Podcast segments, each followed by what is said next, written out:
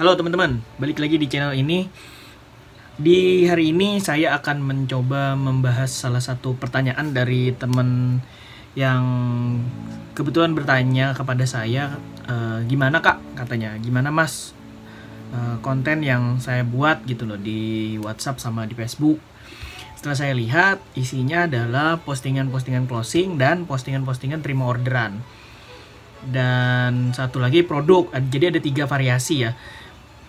Nah, di sini saya akan coba bahas bagaimana um, bukan yang paling bagus ya. Saya, saya juga masih mencari-cari nih. Cuman sepengalaman saya ini adalah beberapa tips trik untuk membuat konten di Facebook ataupun di Instagram atau di WhatsApp marketing. Simak videonya sampai habis.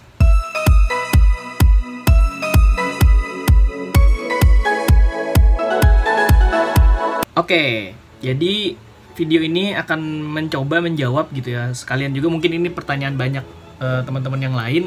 Uh, gimana caranya bikin konten di Instagram, di Facebook atau di WhatsApp gitu ya. Dalam hal ini konten tentang bisnis online teman-teman, entah itu produknya apa aja gitu ya, terserah bebas.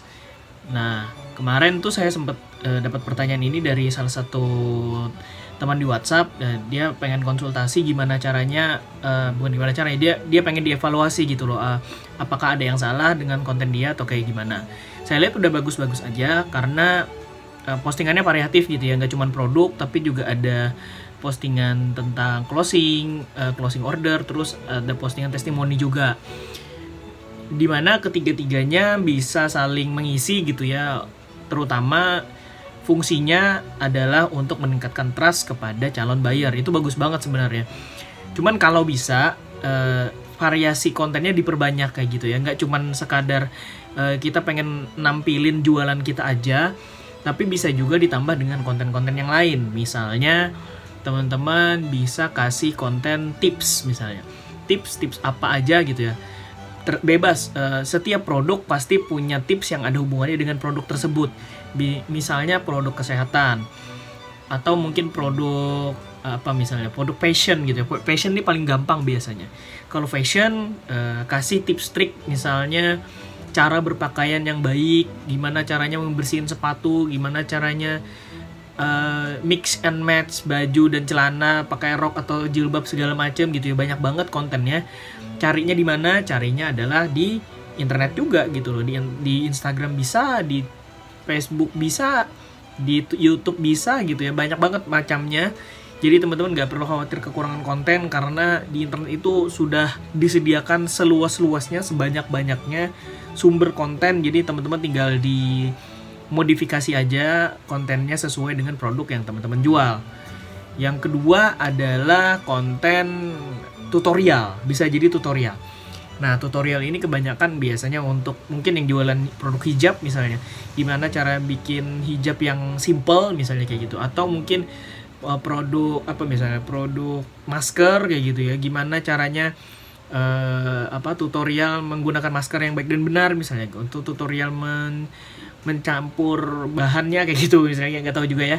Pokoknya kayak gitu-gitu yang ada hubungannya dengan produk teman-teman bisa kayak gitu. Jadi nggak melulu harus selalu produk kita bisa uh, apa namanya kita bisa perbanyak lagi variasi kontennya.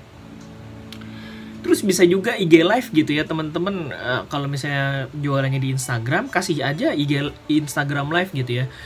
Uh, uh, sebelumnya ditanya dulu sama followernya gitu ya eh kalau aku bikin live di Instagram kira-kira kalian mau tanya apa? Atau mungkin kalian mau ngomong diomongin tentang topik apa kayak gitu ya.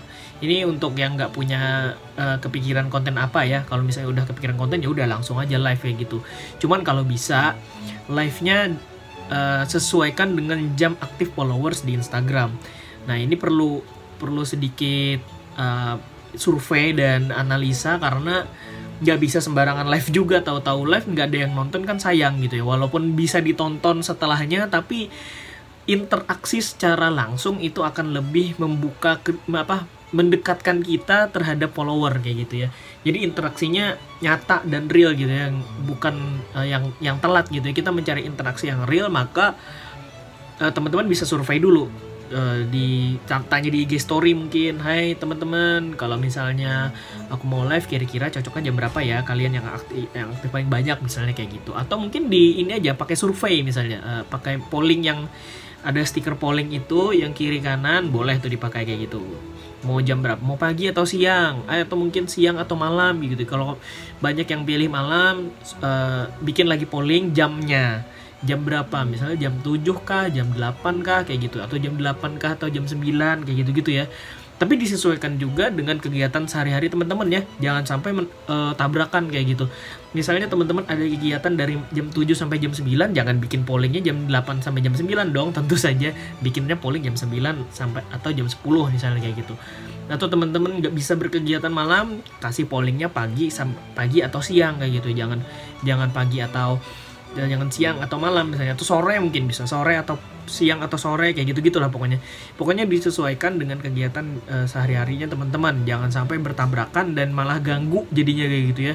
Kita memang berbisnis tapi juga nggak nggak serta merta harus mengganggu aktivitas kita yang lain kayak gitu ya.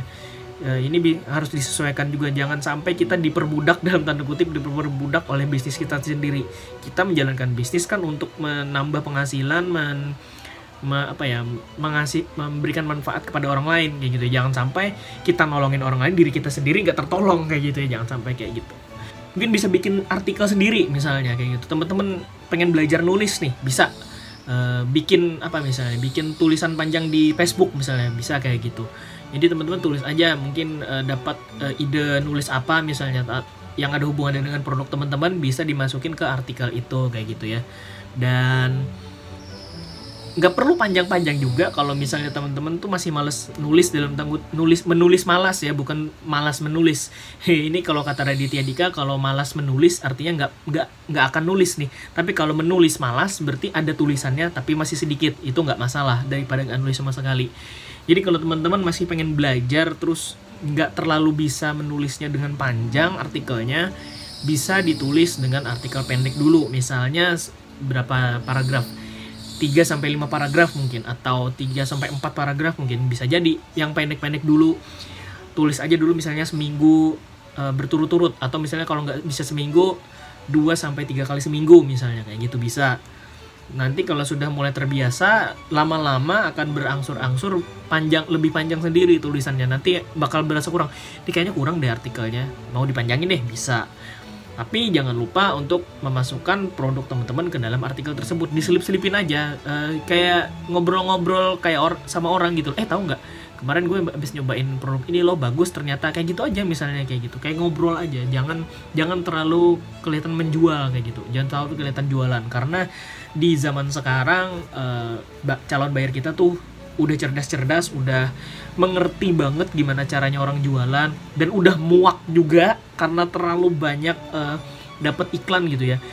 Uh, coba hitung dalam 24 jam misalnya mereka ngeliat iklan berapa banyak kira-kira. Nah, dari radio misalnya di jalan perjalanan pulang kan uh, pergi ke kantor di kantor dia buka internet dia buka sosmed kelihatan iklan lagi berapa jam itu dia ngeliat iklan kayak gitu ya terus pulang ke rumah uh, nonton YouTube ngeliat iklan lagi di YouTube berapa jam dia ngeliat YouTube gitu ya. Terus malamnya istirahat nonton TV ngeliat iklan lagi.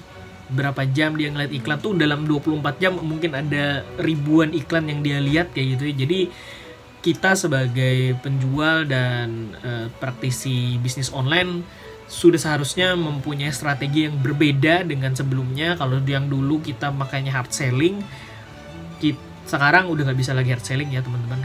Kita lebih mengutamakan konten di mana value konten itu lebih ber ber apa ya istilahnya bernilai ber, ber, karena value konten tentu ber, lebih bernilai daripada sekadar jualan.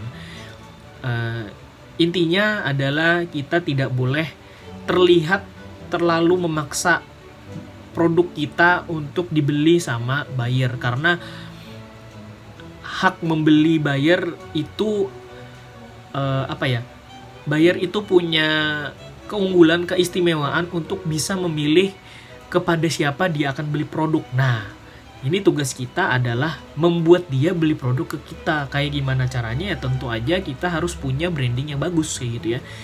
Jangan cuma sekadar jualan. Jangan kalau saya bilangnya gini jangan terlalu kelihatan kita pengen uh, ngambil duit yang ada di dompet dia ke dalam dompet kita kayak gitu ya.